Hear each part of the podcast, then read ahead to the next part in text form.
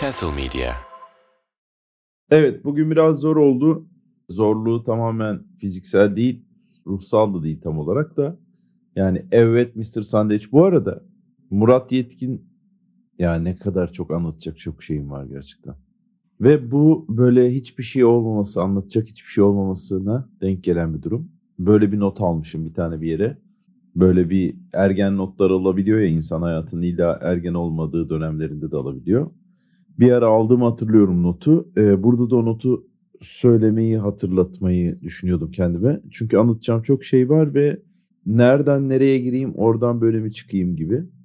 Ama şunlardan biri, anlatacaklarından biri evet Mr. Sandviç enerjisi en çok Murat Yetkin'de var. Yani Murat Yetkin asıl evet Mr. Sandviç adamı olabilir. Gerçek the adam olabilir. Ve şuna karar verdim. Son zamanlarda böyle bir takım atar gider değil de yani minik böyle ağırlığımı koymam gereken durumlar oldu. Ve ben de bunları ağırlığım koydum. Fakat böyle bağırıp çağırmayı, sinirlenmeyi sevmiyor. Öyle bir sahne yaratmak derdinde değildim yani. Hatta istemiyordum. Mümkün olan en yapışkansız biçimde çıkmak. Ve o, öyle bir şey istiyordum yani. O yüzden de böyle şey yapamadım. Bağırıp çağıramadım ama böyle bir atar belirtmenin bir yöntemi olmalı diye Murat Yetkin'e bu manada bağlıyorum. Çünkü Murat Yetkin'de o şey çok iyi. Gerçekten pozitif atar diye bir şey varsa onun en iyisi yani. En az boomer olan boomer falan. Murat Yetkin'e bir yükseldim. Gözleri de açılınca geçmiş olsun bu arada. Onu da dinlemediğini biliyorum. Ama yani geçmiş olsun bir yandan da. Çünkü gözü kapalıydı fotoğrafını koyuyordu. Orada bir sıkıntı yaşıyorduk. Ha fotoğrafıyla görseli videosu arasında inanılmaz fark var mı? Var. O olduğu yerdeki omuz hareketine içten patlamalı bir şekilde yaşaması gündeme karşı olan muhalif e, tepkisini belirtme yöntemi gerçekten çok iyi. Onun benzer bir atar şeyini bulmam lazım. Çünkü bugün çok anlatmam gereken, anlatacağım çok şey var derken e, kastettiğim şeylerden biri de e, bu Mehmet Demirkol'la olan programdı. O programdan çıktım böyle bir ben şimdi gitmeden önce her, herhangi bir interaksiyon yaşayacaksam bir gün o gün içinde yani önemli bir şeyse birazcık böyle bir kafamda onu oynatıyorum mutlaka. Bazen olmayacak fantazi şeyleri de yani Tonight Show'a 8 kere katıldım kafamda Jim Fallon'a öyle dedim böyle dedim bilmem neyle görüştüm. Mehmet Demirkol'da izledim ve kafamda da bir şey var. Komedyen adamın bir işte o aşırı yabancılaşıyorum öyle yerlerde. Belki oradan anlatırım falan. Benim kafamda bambaşka bir senaryoyu bilmem kaç kere akıttıktan sonra oraya gittim ve tabii ki mala bağladım. Aa Sony Alpha ile çekiyorlarmış. Orası öyle miymiş? Burası böyle miymiş? Bir yandan da tabii ki weird bir yer. Yani o böyle insan izlerken o bir talk show evreni var ve orada geçiyor zannediyor. Orada yaşayan böyle yere bağlı yarı üstü seyirci altı koltuk olan yaratıklar varmış. Onlar alkışlıyormuş falan. Öyle bir fantazi ülkesiymiş gibi. Ama gidince tabii ki Seyrantepe'de güzel bir yer bu arada. İşte Mehmet Demirkol kapıda karşıladı falan filan. Ee, ve böyle bir işte o eskiden herhalde sanayi tipi bir dükkanın içine bir asma kat yapmışlar. Ve böyle yerden yüksek o gördüğünüz sahne yuvarlak bir pasta dilimi gibi onun üzerinde oturuyorsun bir noktada hadi oraya gidelim deniyor. O dünyaya açılan ama o anda da açılmayan bir şey. Benim de bazen bunu yaparken kafamı yakan bir şey oluyor. Karşımdakinin şu anda karşımda olmaması gibi. Ve böyle e, ben tabii ki yabancılaştım ve hiç o da beni izlememiş yani. İzlemediği için de bir tek tenis podcast'ini dinlemiş. İzlemediği için de şöyle bir durum var. Yani kimle konuştuğunu bilmiyor aslında bir yandan da. Yani halbuki bilse ki ben eliup atabil yapabiliyorum falan. Abi işte onu aç kes bana oraya ben koşarım gibi şeylerden. Sen o topu yükselt, yüksel panyaya vur ben onu alır ters döner basarım gibi şeylerden haberi yok. Ben de böyle karşımdakiyle biraz karşımdaki olduğum için onun düşündüğümden bir tık daha boomer olması falan böyle bir yani yani güzel çok güzeldi ben böyle 40. dakikada falan dedim ki abi ben hiçbir şey anlamıyorum çok hızlı oluyor akıyor her şey olup bitiyor yaşanıyor ben biraz geniş alabilir miyim düşünerek cevap vermek istiyorum dedim. Hatta onu da koyarlar diye ümit ediyordum. Ama oradan sonrası biraz daha çok var. Oradan sonrası biraz daha iyiydi ve çıktıktan sonra da yani yakınlarım bana sorduğunda nasıl geçti dedim ki yani böyle bir mülakatımsı yani iş görüşmenin YouTube videosu olması gibi bir şey ee, gibi geçti. Bir yandan da temizdi yani öyle olacağını anlayınca en azından tertemiz bitsin kafasındaydım. Fakat orada da daha sonra yani böyle oturup bir daha izlemedim. Bir tek işte o bir oldu mu olmadı mı şurayı kessek olur mu falan gibi bir şey için izledim. Ondan sonra bir daha izlemedim. Ve böyle e, ama biliyorum yani ne konuştuğumu. Şimdi bitti Mehmet Demirkoğlu'da olan şey. Bu arada bir daha gelirsin dedi sağ olsun.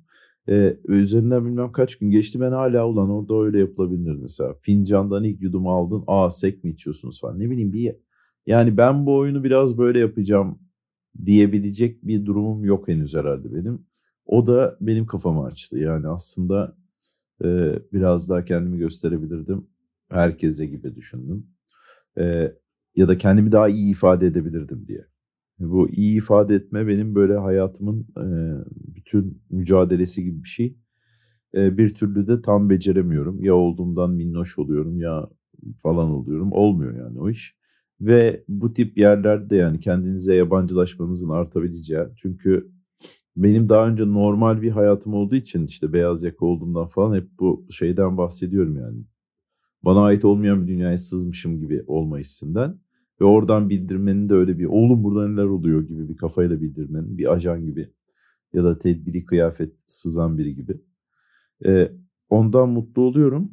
Hmm, of öyle geniş aldım ki işte bağlayamadım. Bu çok şey anlatacak olunca olan şeylerden biri.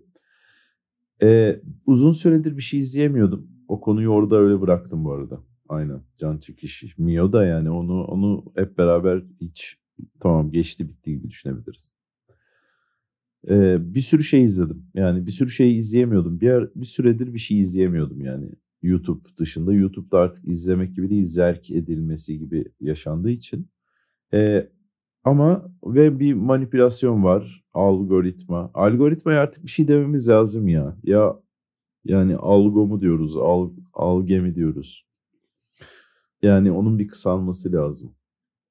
Ama e, algoritmanın e, böyle seni ince ince dürttüğü şeyler oluyor. Sen de onu buldum zannediyorsun. Bu zehirlenmeye çok benzer bir şey. Kültürel zehirlenmeye. İşte bir şey yazarken de zaten o yüzden izlemiyorsun izlemezsen. Ee, yani o fikir hemen yüzeye çıkabilecek bir şey oluyor. Sen onu sindirmediğin için yeterince. Ee, ve böyle uzun süredir bunu beceremiyordum. Uzatmayayım. Becerdiğimde de şöyle becerdim. Bana YouTube işte ya bu Truman Show da ne acayip film sen bunun farkında mısın falan işte geleceği gören yönetmenler videosu yok bilmem ne. Movie'nin böyle bir takım sinema youtuberlarının hazırlattığı şeyler var. Ve hakikaten de ben de böyle bir şeyler öyle mi çekiliyor böyle mi çekiliyorlara çok baktığım bir zamandayım. E, o videoları izlerken oğlum ben Truman Show'u bildiğin izlememişim oldum yani. Hakikaten de maruz kaldığım hali serpintisiyle izlediğimi zannetmişim. Nedir işte Truman Show bir adamın hayatı show adam farkında değil. İşte en sonunda tabii ki bu düzene çomak sokuyor. Kadar biliyordum. Ve izlememişim yani. Hiç. Bunu fark ettim. Ben nasıl bunu izlemedim ya dedim. Ve böyle filmler olabiliyor. Mesela Raging Bull'u e, 30 yaşında izlemiştim. Ki şimdi yani hani bambaşka bir hayat paralel evren gibi gelen bir zaman. Ama e, iyi ki geç izlemişim, bu yaşımda izlemişim. Yoksa daha erken izlesem çok anlamazdım diye düşündürmüştü. Ve bazı şeyleri de aradan vakit geçtikten sonra ziyaret etme e, şeyim var, huyum. O belki bu tip şeylerle tetiklenmiştir ya da büyümüştür. Ama bunu böyle bu zamana bıraktım yani. İzlememiştim de. Daha önce bir klostrofobik bir şey den dolayı mı izlemedim acaba dedim. Özellikle öyle bir korkum yok ama e, sonra annem o sebeple izlememiş demiş kardeşime. Acaba ben duydum da anım mı yaptım falan. Benim çünkü belki çok konuşmanın lanettir. Yani bambaşka bir hafıza var. Öyle ayrıntı falan hatırlayabiliyorum ama ne dediğimi çok hatırlamıyorum. Çok da umursamamaya da çalışıyorum. Yoksa bununla baş edilemez yani bu kadar konuşurken. Ee, ya da yalan yanlış hatırlıyorum. Sonra da başıma bela da olabiliyor. Hmm. Bu yüzden de böyle şey e, yani o hisle de o his de bana ait değilmiş filmle ilgili. Ben hiçbir şey bilmiyormuşum. Ve böyle Aa, o zaman ben bunu izleyeyim dedim. Kardeşim de izlememiş. Ve böyle bir uzun süredir yani tuvalete bile kalkılmadığı, su içmeye bir kere gidildiği falan e, bir şey izlememiştim yani. Gerçekten başından sonuna aldı ve böyle abi neymiş neymiş oldum. Çünkü e, zaten o birazcık meta bilgiye sahiptim.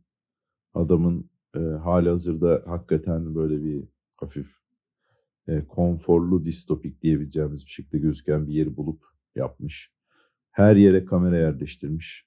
E, o B-roll deniliyor yani. Asıl belki storyboard'da olmuyor mu demek lazım. Asıl kameranın çekmediği ama bir yandan da bir orayı da birileri çeksin bir kamera dediğin, denilen yerlerden çok fazla şey kullanmış. E, hayvani bir oyunculuk ve yani aşırı basit ve iyi bir senaryo olmasına gıcık oldum böyle. Çünkü o kadar basit yazınca hiç yazmamışsın gibi oluyor. Bu da öyle. Sanki öyle bir hikaye varmış gibi izliyoruz.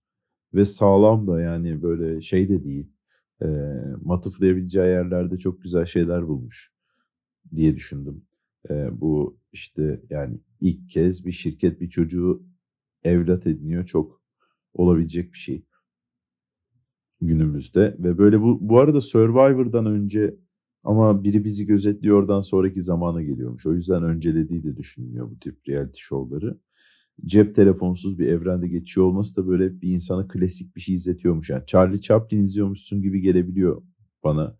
Ansızın bu Seinfeld izlerken falan da oluyor. Ee, ve böyle şey e, bunda da öyle bir klasik bir film izliyormuşum gibi hissettim. Artı e, yani çok az hiçbir şey bilmeden bile derinlikli bir bilgi oluşturabilecek bir kafası var. Yani e, o adam Allah gibi orada. E, zaten adamı görmüyor Truman ve en sonunda konuştuğunda gökyüzüyle konuşuyor. E, ve bir tanrının yarattığı bir canlıya söyleyebileceği şeyleri söylüyor. E, onun dışında ne bileyim o e, yani abi yok bozmayalım bunu diyen ana karakterler, kötü karakterler diyebiliriz yani Truman'ı orada tutan, tutmaya çalışan karısı ve annesi.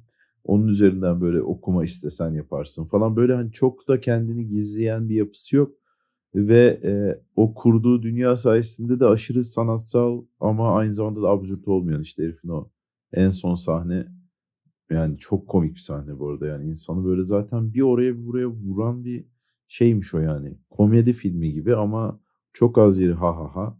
Daha çok böyle yani çok ince garip bir ayar varmış. Ben bu kadar geç izlediğim için abi sen bilmiyor muydun ya şeyi de dinliyorsanız dinlemeyin. İzlemediyseniz de spoiler'ın tilla olabilir ama spoiler'lık bir film değil zaten. Ben bir, bir sürü sebepten yapım, çekim, bilmem ne, sıkım gibi sebeplerden e, çok beğendim filmi. Özellikle dediğim gibi o son e, artık gemiyle o alanın sınırına geldiği hatta sınırı deldiği otomatikman orada bir gökyüzü resminin üzerinde bu sefer önünde yürüdüğü. O tip şeyler böyle normalde işte ya rüya sahnesiymiş gibi olabilecekken burada gerçeğin parçası olması beni çok etkiledi. Ee, o etkilemesinin gazıyla öyle film kafasına girildiği için Netflix Maestro'yu çıkar. Netflix de bu arada şeye baktık işte Ha Netflix'te varmış ve gidecekmiş hatta hemen vuralım falan.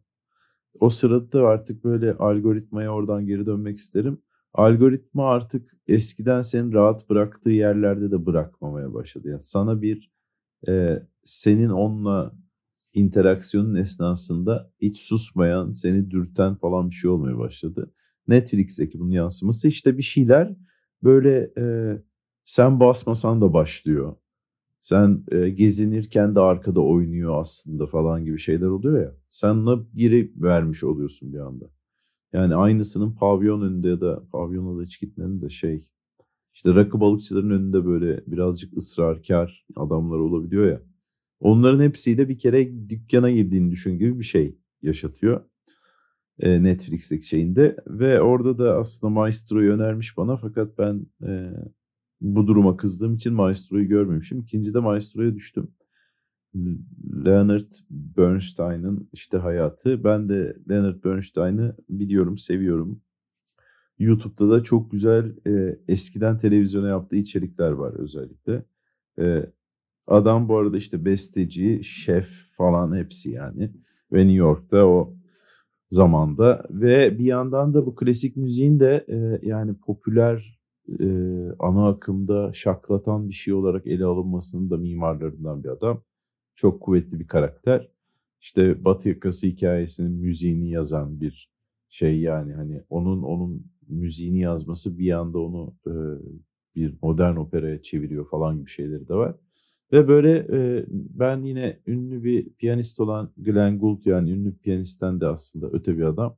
Onunla yaptıkları bir e, programı izlemiştim. Ve böyle aşırı yani televizyon için çok yani belki konservatuarda okusan okuyamayabilirsin gibi bir ders gibi de.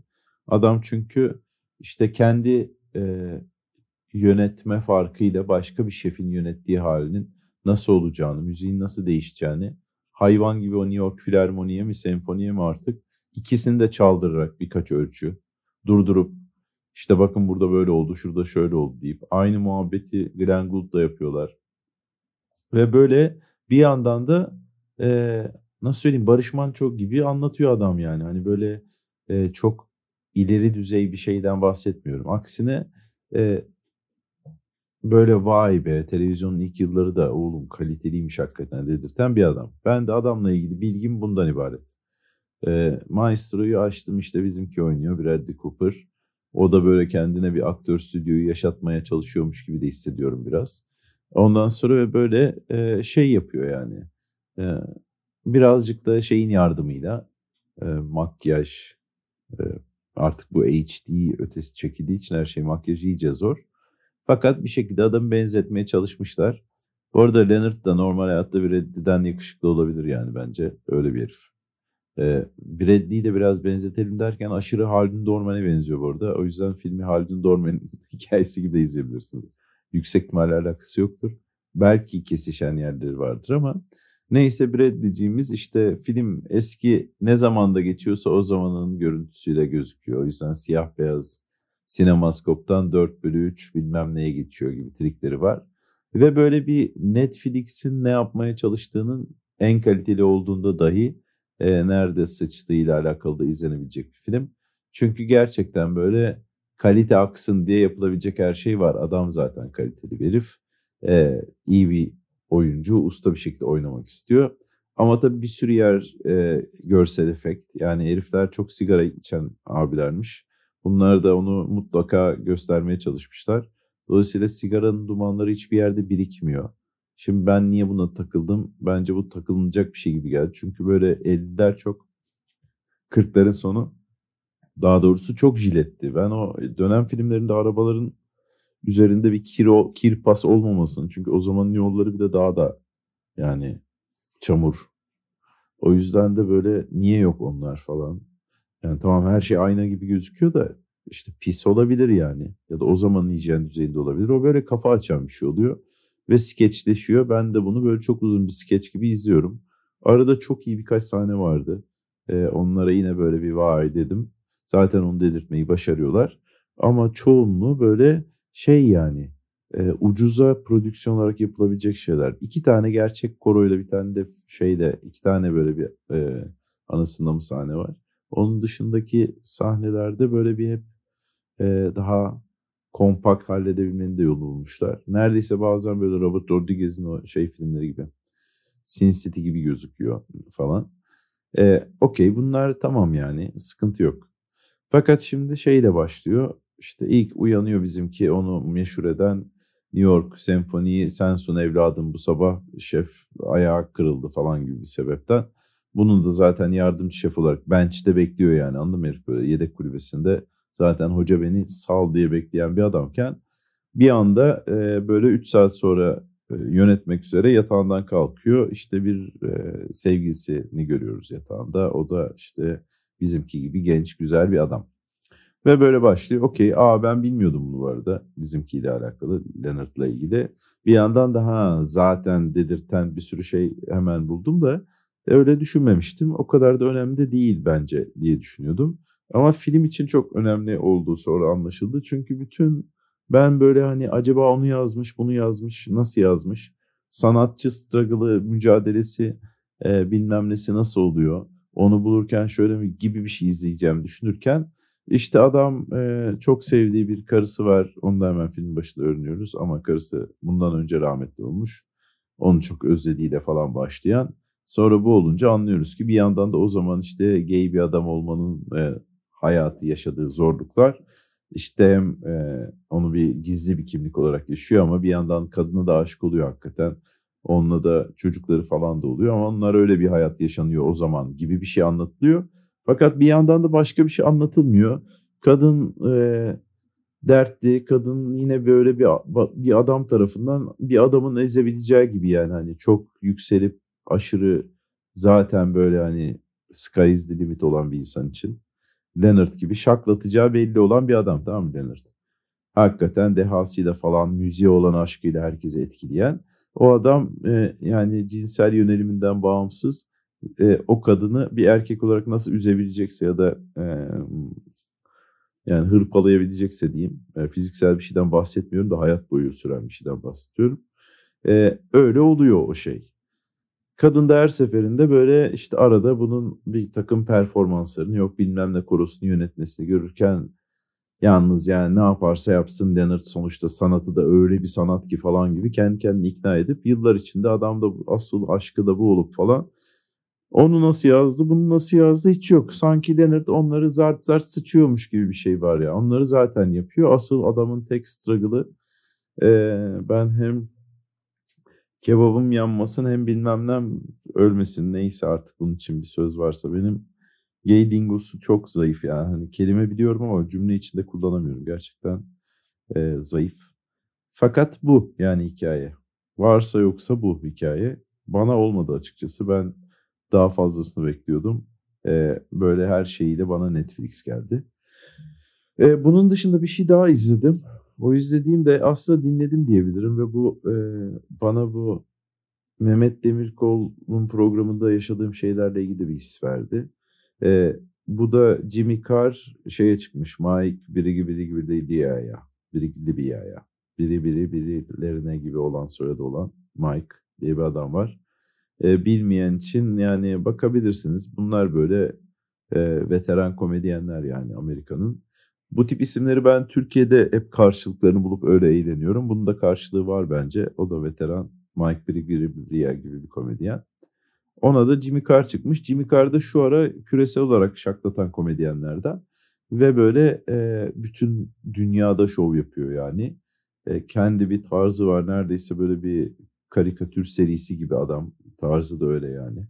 E, böyle bir hani makaraları koy vertmeyebilir ama kesin de güldürür yani her türlü Jimmy Carr bir komedi seven birisinin kütüphanesinde bulunabilecek bir adam. Oraya çıkmış. Jimmy Carr'ın kafa açan tarafı biraz böyle bazen çok işte yani üf komedide ne abi inanılmaz bir şey insanları hayata döndürebiliyor falan gibi biraz öyle yerleri var yani hafif yaşlandığı yerleri diyeyim. Bana boomer gelen yerleri. Ne bileyim normda hiç olmayan hep taşağında geçebilen bir insan olduğu için norm, bunlar da var. Ve e, ama bir yandan da böyle ben de sonuçta bu adamlar nerede karşılaşacağım? Buralarda dinliyorum. Ben kendim bunun geyini yapmayı sevmiyorum. İşte komedi şöyle oluyor, oradan böyle oluyor, çalıştı çalışmadı falan. Bana böyle hepsi ya evet tabii ki falan. Hepsi dalga geçilmesi gereken şeylermiş gibi geliyor. Olayın özü o değilmiş gibi geliyor. Ee, ama bu da anlatıyor sağ olsun. Ve dedi ki işte ben katıldığım hiç programda kendim gibi olamıyorum gibi bir şey söyledi. Ben de adamın acaba şeyi fark ettim yani. Ben tabii herifi hep sahnede izliyorum. Adamın kendisi o olma ihtimali yok. Zaten kendisi de böyle şey vantrolog şeyi kuklası gibi bir adam yani. Pinokyo gibi tip olduğu için gerçeği de şey değildir. Oradan bir açsana annem falan gibi de değildir yani. Ondan çok 3 puan fark ediyordur en fazla. Fakat yine de o Jimmy Carr yaşıyormuş o tribi gibi şeyler de düşündüm. Ee, sonra Jim Jeffries'in bu sefer de başka bir yine Türkiye'de karşılığı olduğunu düşündüm bir komedyen. Chappelle'in yanında çalışan beyaz adam. Şu anda ismini de hatırlayamadım. Ama böyle üç mikrofon diye bir şey vardı. Ve böyle tabii ki öyle şeyler anlatıyorlar ki kendi hayatlarıyla ilgili böyle bir e, annesinin hayvani bir şiddeti varmış uyguladığı Jim Jeffries'e onu anlatıyor. O babasından bahsediyor ve böyle ben de bundan aşırı sıkıldığımı hatırladım bir daha. Jimmy Carr öyle bir şey yapmıyor da Jimmy Carr da bir çoluk çocuk yapıyor. Yani şeyden sıkıldım mesela Seinfeld'in Kendisine de biraz kızgınım son zamanlarda ama e, ondan bağımsız olarak yani bunu hatırladım. E, annesi babası yetim Seinfeld'in onların çocuğu olarak yani şeyi var ve hiç duymadık ya biz onu Seinfeld'den ve duymayacağız da yüksek ihtimalle. Bilebiliyoruz bir yerlerde söylüyor ama sahnede ilk söylediği şey olurdu yüksek ihtimalle şu anki bir e, Seinfeld olmaya çalışan bir komedyenin. O aklıma geldi. Kısmetleri söyleyip bitireyim. Bu sefer sonuna kadar saklayabildim. Sonuna kadar direnebilen insanlara bir reklam olsun. Belki onlar zaten asıl kitledir. 23 Aralık'ta Müze Gazane'de İstanbul Comics and Art, Art Festival kapsamında ücretsiz bir kısmet show var. Bayağı da iyi bir kadrosu var. Ben, Engin, Özge Özel, Soykan Soner bu peradaki kısmetlerde aslında scoutların dikkatini çekmişti. Mert Demirli Çakmak son zamanlarda yine en favori komedyenlerimden. E, artı e, sürpriz isimler çıkacak e, çizerlerden diye ümit ediyoruz. Böyle bir kısmet show var.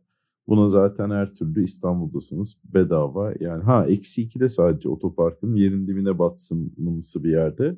Ve soğuk tabii daha da soğuk olacak. Bu gece daha da soğuk olacak gibi bir gece olabilir. 7'de başlıyor gerçi ama yani ona göre sıkı giyinmeli. İçine böyle elini kırınca ısı veren şeyler falan alınabilir. Ee, onun dışında 29'unda Fade Ankara'da e, kısmet show yılbaşı özel adını taktığımız ama yılbaşına yakın olduğu için ve onun dışında coşkulu olmasına çalıştığımız için yoksa Engin'i Noel Baba kılığında salmayacağız. Ama orada da ben Engin, Mert, e, Salih Tıraş tabii ki ve Mehmet Can Şahingil yine Ankara'daki scoutların dikkatini çeken isimlerden. 30'unda da yılbaşı özel iki Kısmet Show Bursa, Lalibi, Meşeli Park'ta ben ve Engin varız. Bu az insan var gibi algılanmasın. Ben ve Engin normalde 6-7 kişinin yapacağı şovu yapacağız. Böylece iki tane uzun 40-45 dakikalık e, kısmet seti izleyeceksiniz. E, Bursa civarlarındaysanız bence o da kaçılmayacak bir şey olabilir. E, bunun dışında da bir şey yok. Seneye görüşürüz esprisi yapacağım çünkü galiba seneyden önce bir tane daha görüşüyoruz. Öpüyorum.